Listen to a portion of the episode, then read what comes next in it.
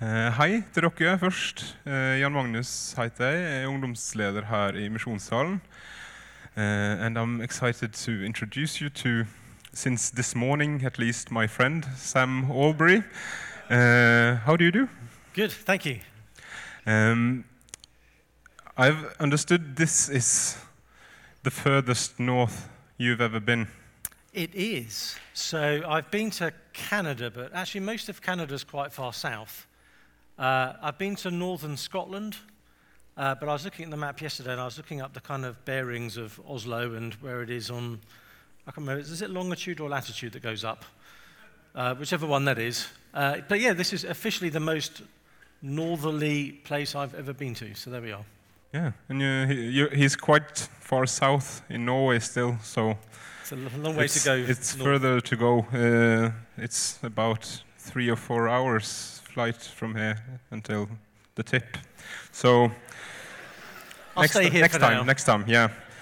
But uh, could you tell us a bit about yourself, Sam? Who, who, who are you? Who am I? That's the question tonight, isn't it? Um, I am, I mean, I'm from England, you can probably tell from my um, accent, and I live just outside London. I live, actually, I live near Windsor, so I live near the Queen of England, so that's my very tiny claim to fame. Yeah, is that kind of a posh place? Uh, it, a little bit, but not massively. Yeah, okay, yeah. Where she lives is posh, where I live is, my house isn't as posh as, as her house is. Um, and uh, what do you do for a living now, and what did you used to do for a living? Um, well, I, I have, I've been involved in church work for, for many years. I, I served as one of the pastors at my church for a number of years. And for the last three years, I've been working for uh, a ministry called Ravi Zacharias International Ministries. And the aim of that organization, what we try to do is help the thinker believe and help the believer think. So lots of answering kind of questions that people are um, asking today, trying to deal with some of the big objections people have to Christianity, and trying to find ways of commending Christ in our own kind of time. Brilliant. Uh, and over the, the past few weeks and the next few weeks, you've been traveling quite a lot.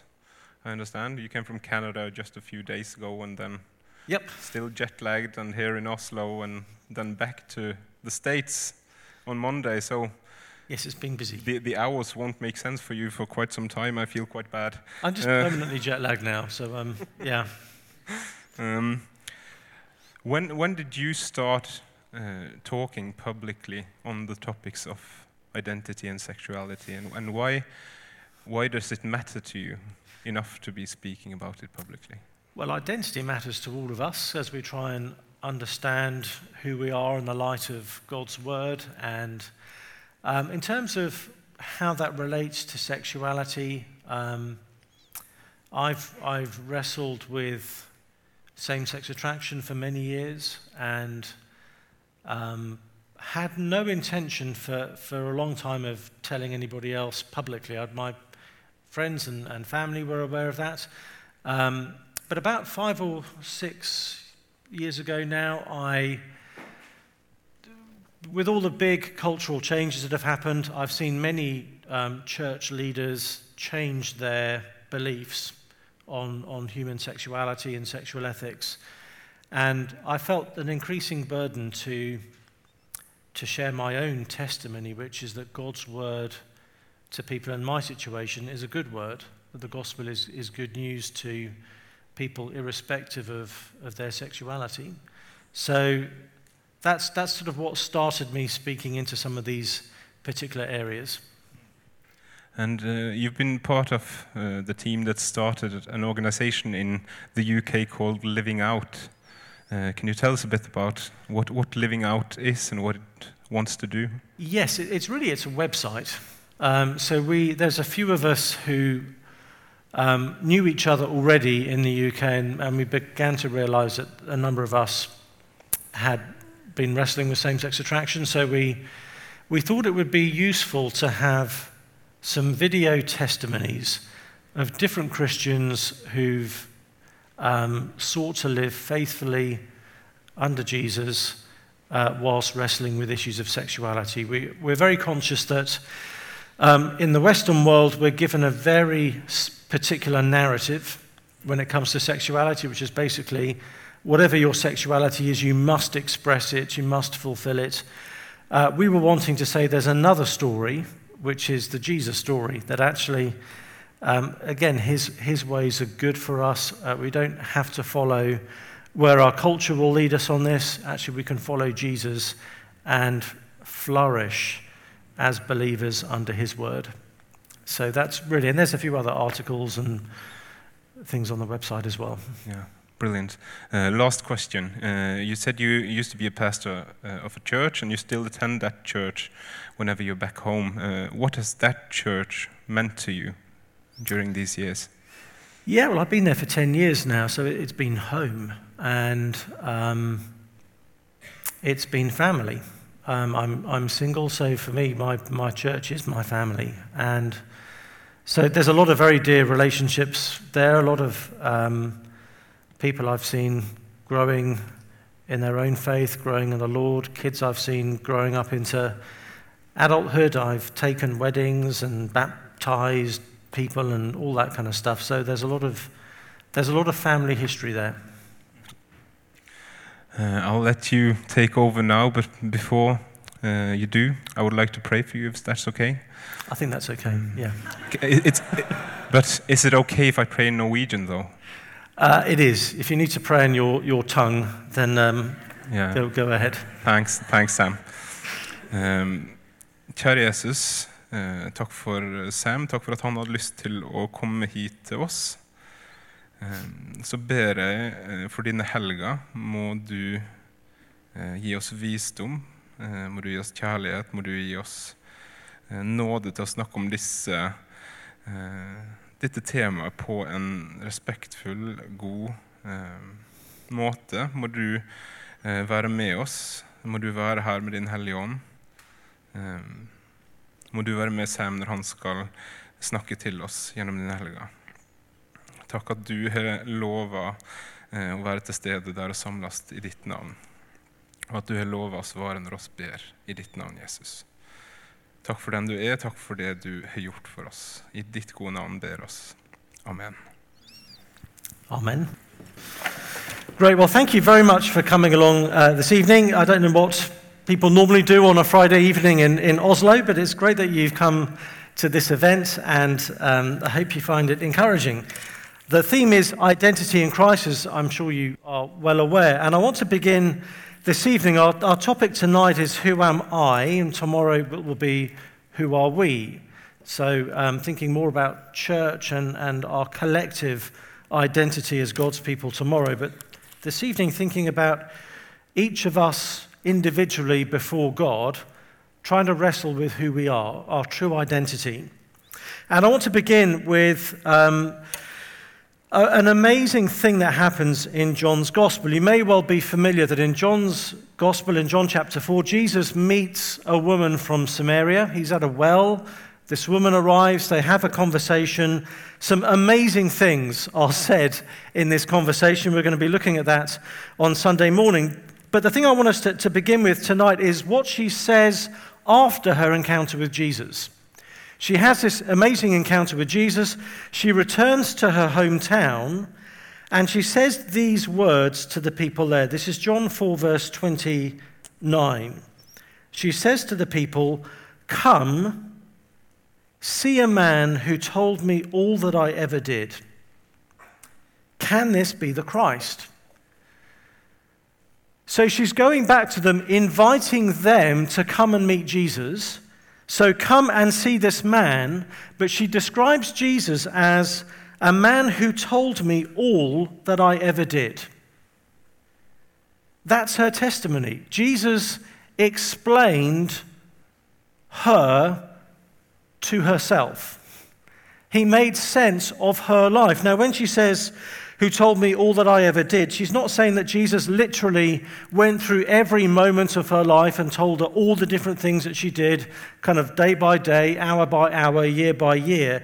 What she's saying is that Jesus put his finger on the main thing her life had become about. She could say of Jesus that he totally got me.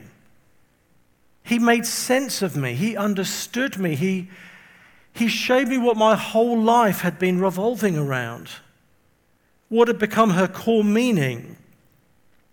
And it's a wonderful reminder to us that we too can have that testimony if we come to Jesus.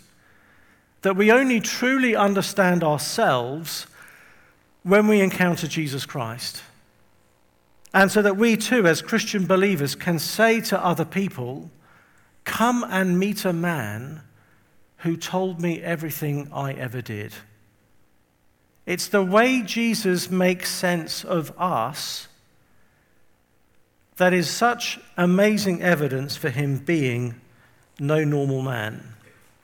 So that is, that is the kind of, I hope we'll set the scene for what we're doing this evening. What I want to do is to think about why we need a Christian understanding of identity uh, and what that can look like and why it's good for us.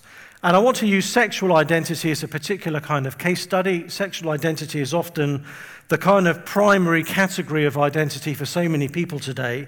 So I want us to think about why we need a Christian view of identity, some of what that Christian view of identity means when it comes to issues like sexual identity, and then thirdly, why that is good news, why a Christian view of identity is good news. So the first thing we're going to think through is why a Christian view of identity is needed. Um, our culture today says something very, very emphatically about identity. It says that for you to find your identity, you have to discover it yourself. Uh, you have to find your true identity. And then once you've found that identity, it is the role of the wider community to celebrate that kind of identity. Uh, that is a change. A lot of more traditional societies tend to say that actually your identity is received from your community and then you have to embrace it yourself. But typically, Western societies today say, no, you have to discover your identity and your community has to embrace it. And so it's one of the key things people say today is you've got to find out who you are. You've got to discover your real identity. No one else can tell it to you. You have to figure that out yourself. You've got to look deep inside your heart. And when you look deep inside your heart, you will find your deepest desires. And those deepest desires are who you are. And more often than not, it's our sexual desires that tend to be at the foreground of our identity.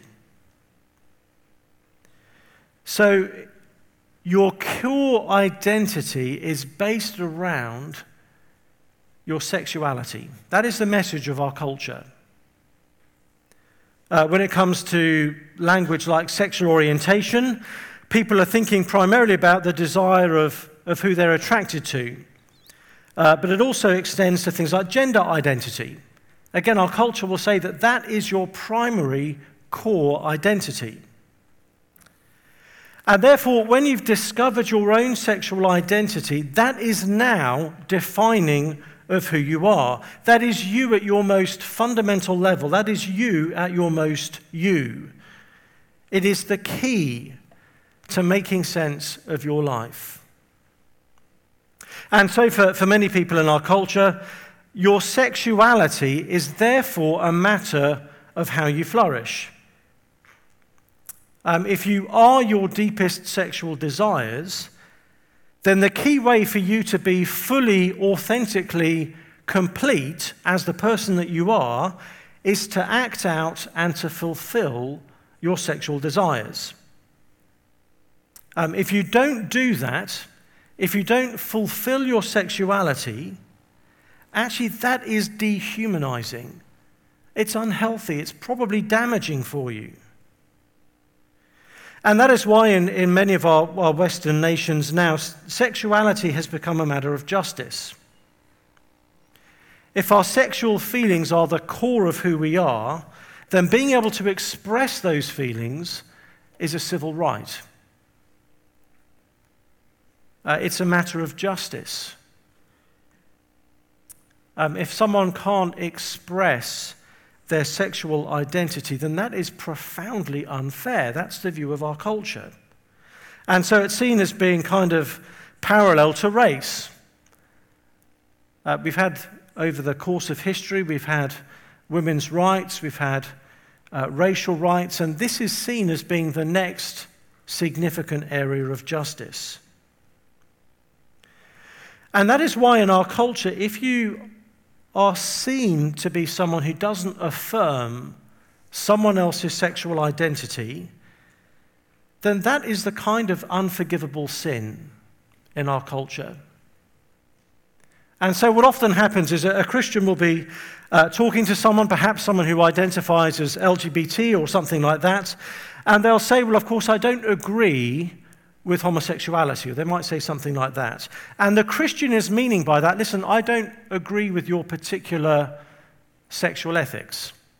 I have a slightly different sexual ethic than you have. But what the other person is hearing is that they are being rejected at a most fundamental and personal level. And so there's often this severe miscommunication going on where a Christian is saying, Oh, I'm only disagreeing with some of your life choices, but the other person is feeling as though they are being fully rejected as the person that they are. And therefore, for, for many folks in our culture today, being a, a Christian who doesn't endorse all forms of, of sexuality and all forms of sexual identity, it's not just that we're seen as being quaint or old fashioned or mistaken, increasingly we're being seen as dangerous.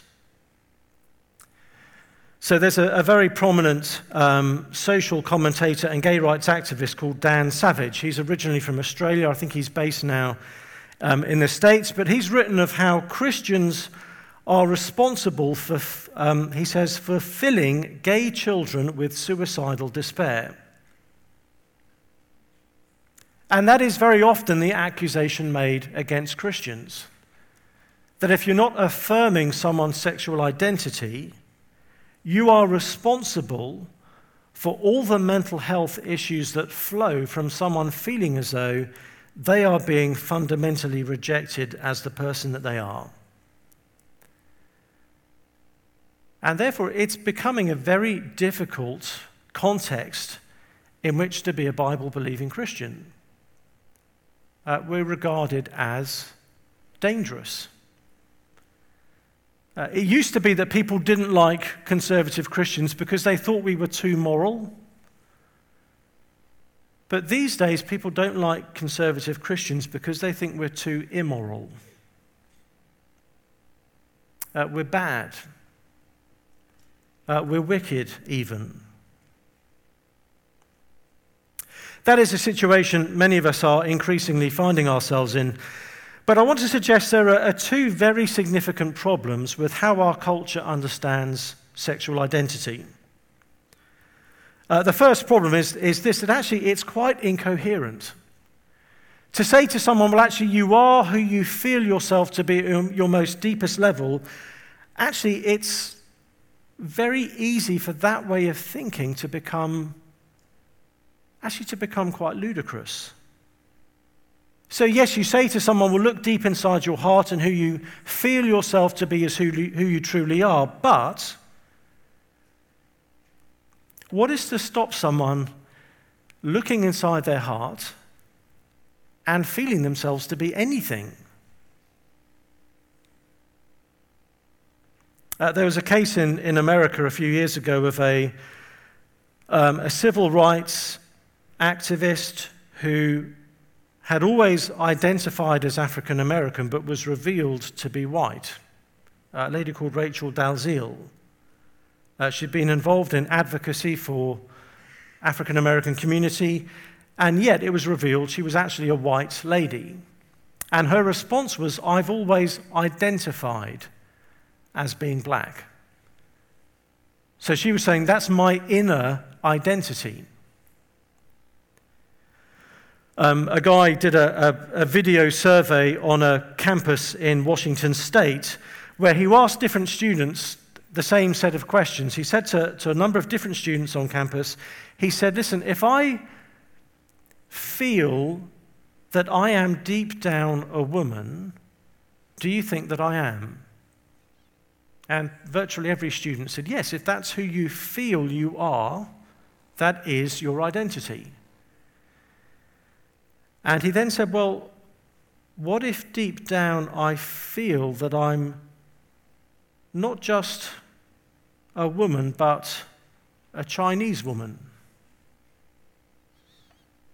And some of the students kind of paused a bit.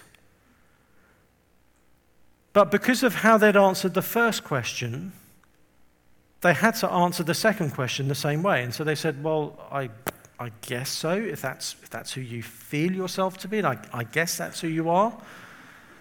Not sounding incredibly convinced. And he pressed them further and said, Listen, what if I feel that I'm not just a woman, not just a Chinese woman, but a, a Chinese woman who's, I don't know, well over six feet tall? And then the next question what if I, I feel that I'm a, a Chinese woman who's over six feet tall, who's, I can't remember the exact age he said, but maybe something like 18 or 19. He was clearly middle aged. He said, if that's how I self identify as a well over six feet tall Chinese 19 year old woman, is that who I am? And again, some of the students looked certainly uncomfortable but didn't feel that they could say no.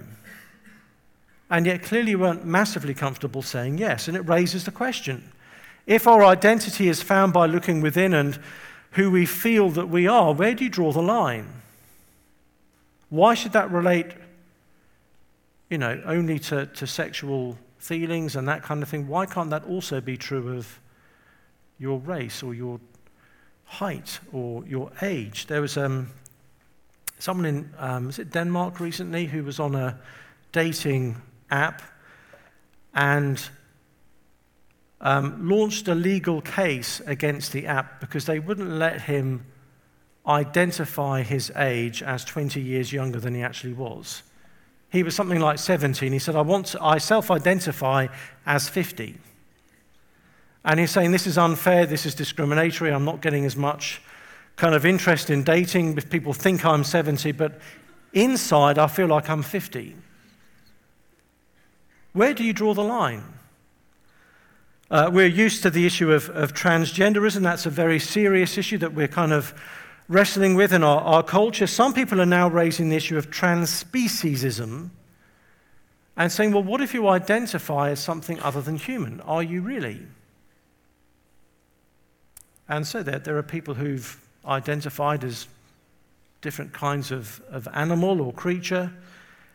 And as far as they're concerned, if that's who they feel themselves to be, that is who they are.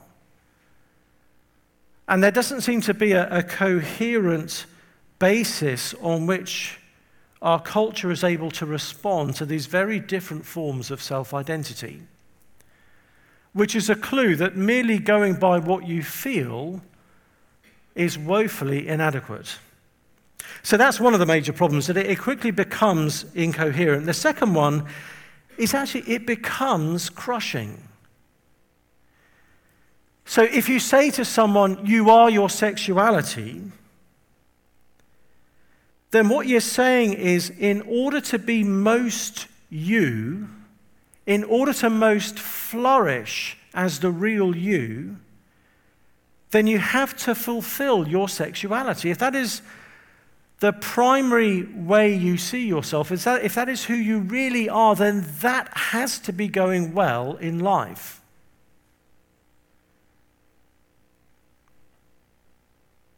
And I want to suggest that is profoundly bad news.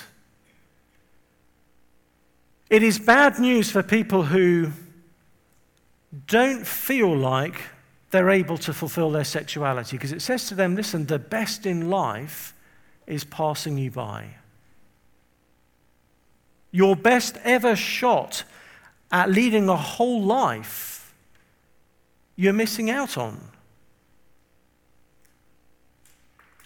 And, friends, it is only a few short, tragic steps from someone being told you are your sexuality to then thinking that a life without sexual fulfillment isn't worth living. When you say to someone you are your sexuality, you are raising the stakes very, very high for that one area of life. But it's also bad news for people who do feel like they're fulfilling their sexuality. I've met a number of students who would say that actually, yes, they're having the type of sex they want to have with the type of people they want to be having it with and in a way that they want to be having it. And our culture says to them, this is as good as life gets. And yet it often doesn't feel that good.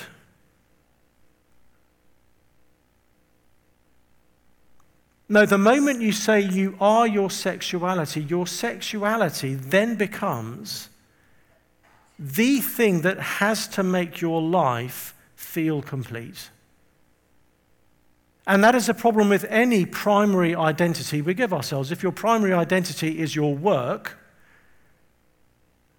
and your work then doesn't go well, maybe you lose your job or lose your position, that's not the end of your career. That feels like the end of your life. Whatever we put at the center of how we see ourselves so quickly ends up crushing us and destroying us. And the reason for that is we're just not qualified to determine our own identity. We don't know enough. And it's why the idea of self identity is always going to lead to hurt and pain. The Bible repeatedly says of, of humanity as a whole that we are darkened in our understanding. We don't have the, the mental apparatus to properly grasp who we truly are. And the only person who can show us our true identity is the person who knows us fully and exhaustively, and that is our Creator. So it's no surprise that Jesus himself tells us that actually what is most deep within the human heart is not that which is going to liberate us,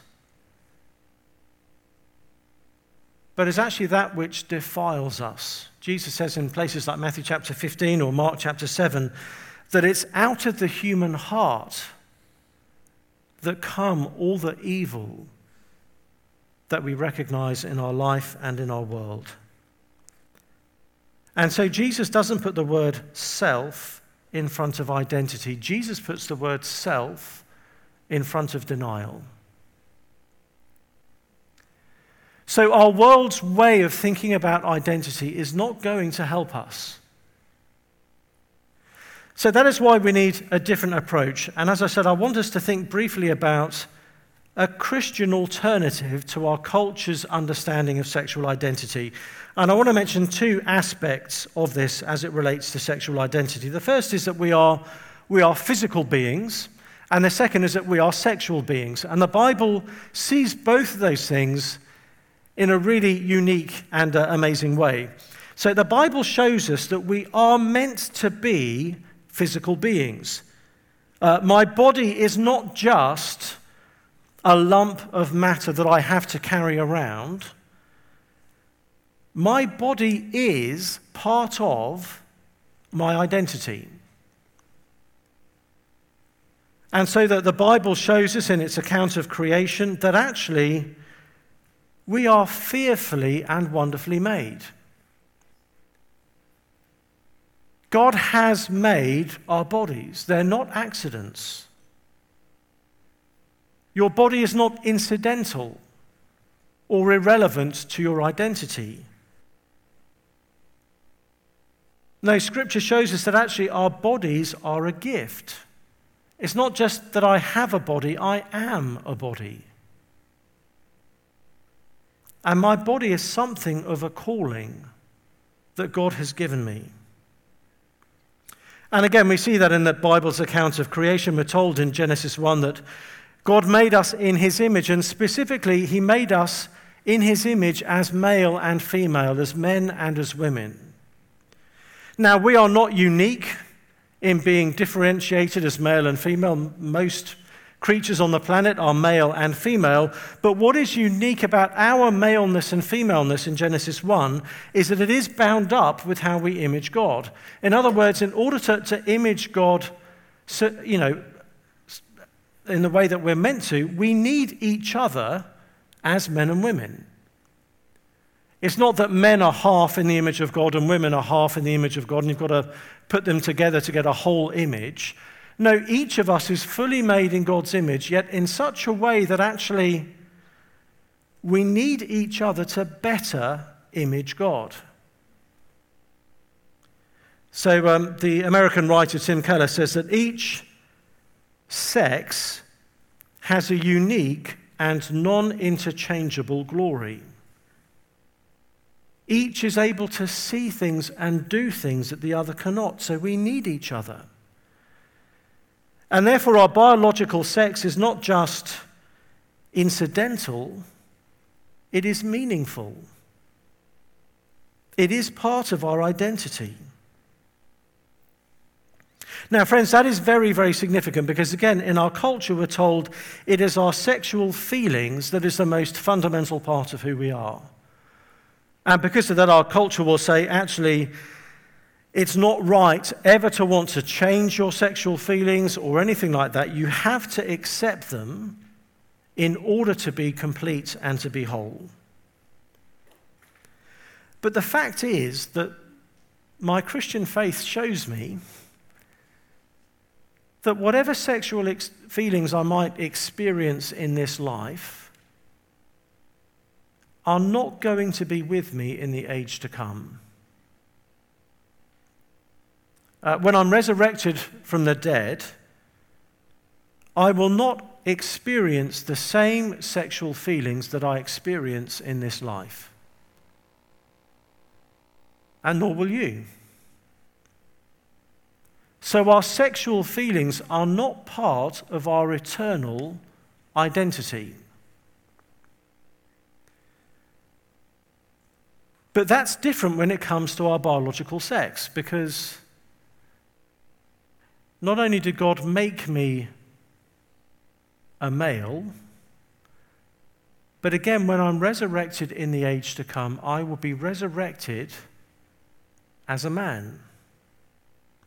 My maleness is part of my eternal identity. And yet, although our culture says that our, our, sexual feelings are fixed and immutable, it says our biological sex is fluid.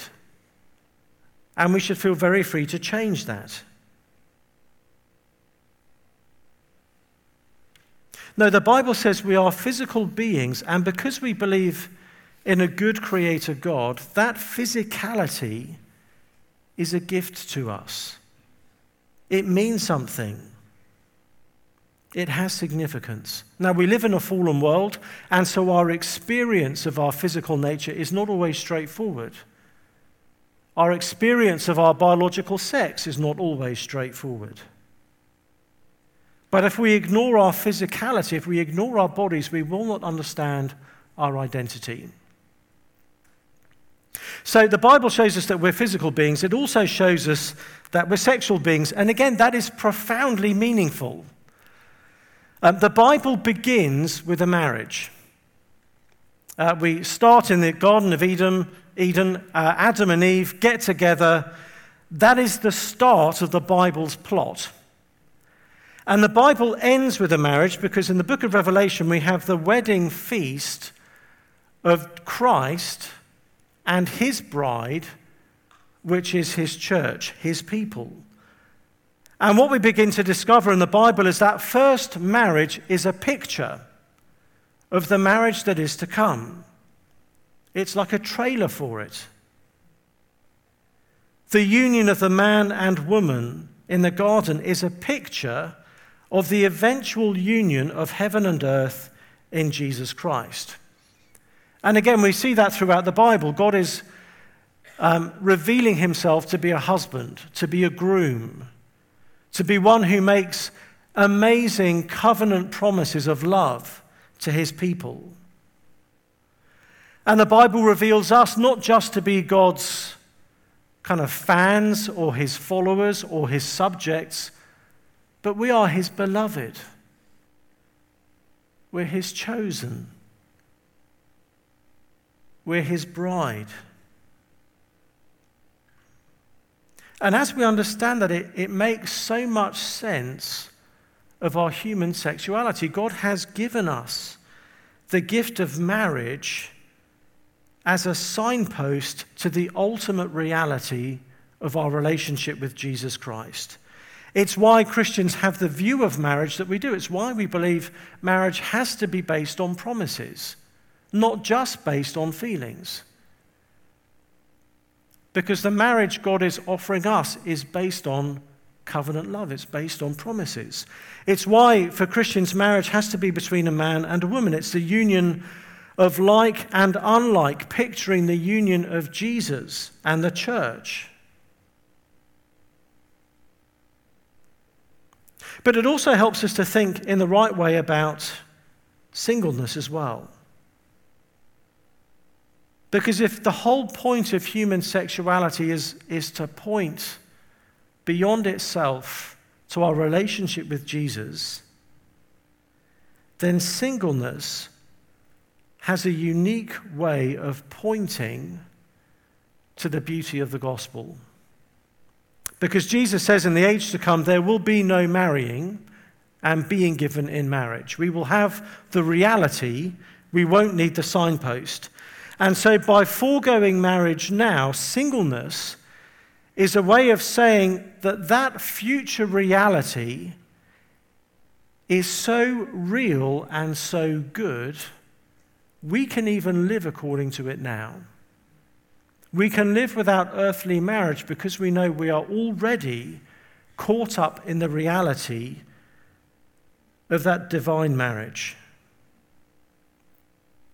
So, if marriage shows us the shape of the gospel, singleness shows us its sufficiency.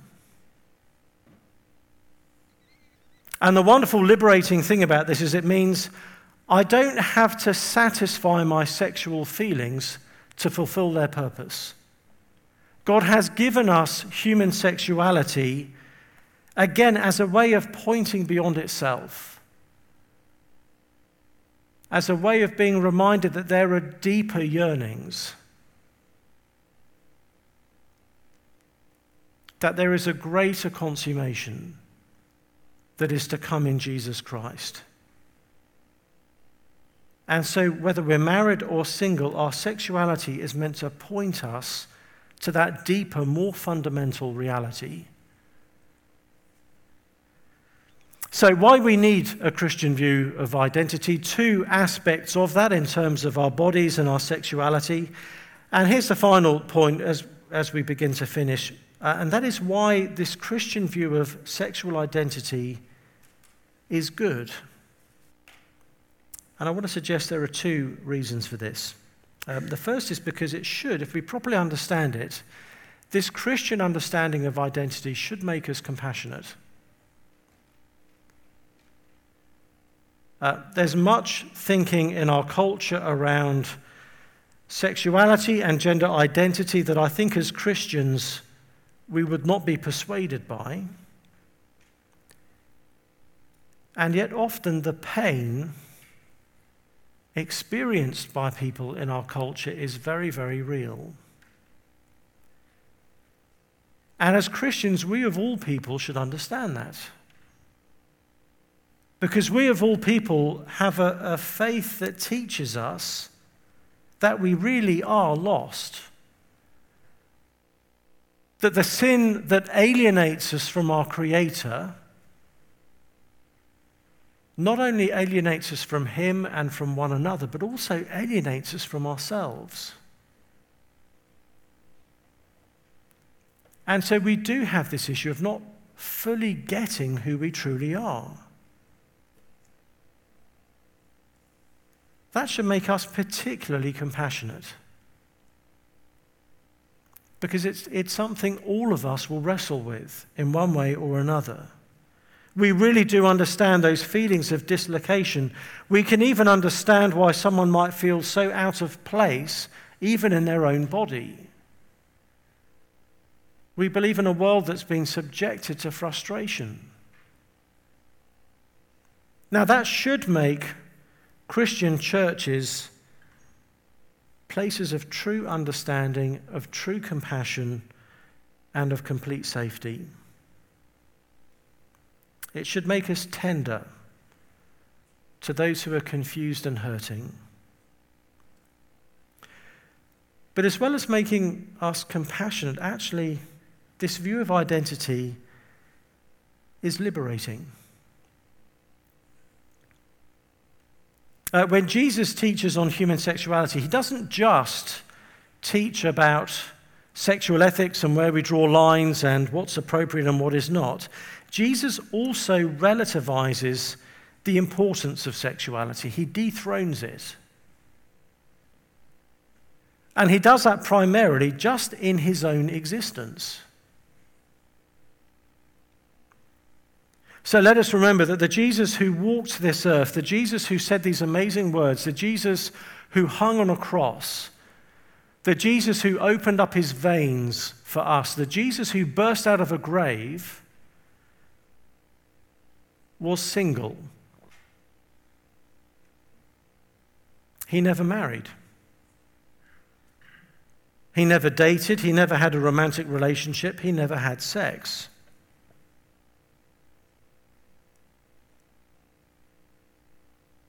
That is not a trivial detail. Because Jesus Christ was the most fully human and complete person who ever walked this planet. And therefore, we cannot say that marriage or romance or sexual fulfillment is intrinsic to being complete.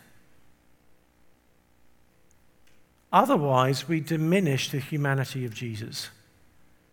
If you need to be sexually fulfilled to be the real you, if you need to be romantically filled, fulfilled to be a proper human being, then Jesus Christ was subhuman.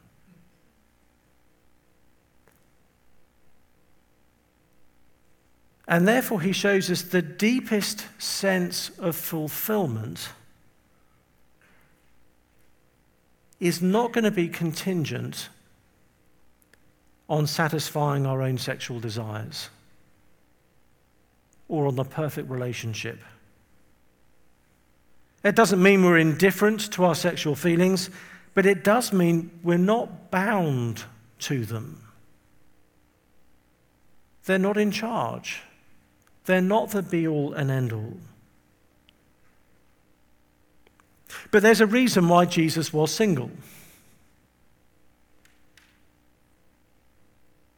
There's a reason Jesus never got involved and, and got married. And that's because he always had a bride in mind. Jesus himself was single because he called himself, paradoxically, the groom. He had a marriage in mind, but it wasn't an earthly one, it was a heavenly one. And it was with his, his people. And it's the marriage he has for us as we come to him.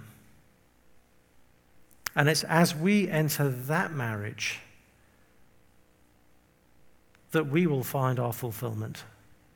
It's as we come to know Jesus that we will truly understand our core identity. And just as with that woman from Samaria in John chapter 4, we will be able to say, Come and see a man who told me all that I ever did. Who am I? I am who I am in Jesus Christ. Let me pray. In English. I'm going to pray in English if that's all right. Our Father, we thank you that you have words of truth for people who are so often confused. Thank you, our Father, that we can live with real certainties in this life, that we can know who we truly are when we come to know our Maker and our Creator. So, Father, as each of us will inevitably wrestle with false identities, please help us to keep coming back to Jesus, to keep knowing that we are our true selves in Him, that it is by knowing you that we are truly known and we can truly make sense of ourselves. And we pray in Jesus' name. Amen.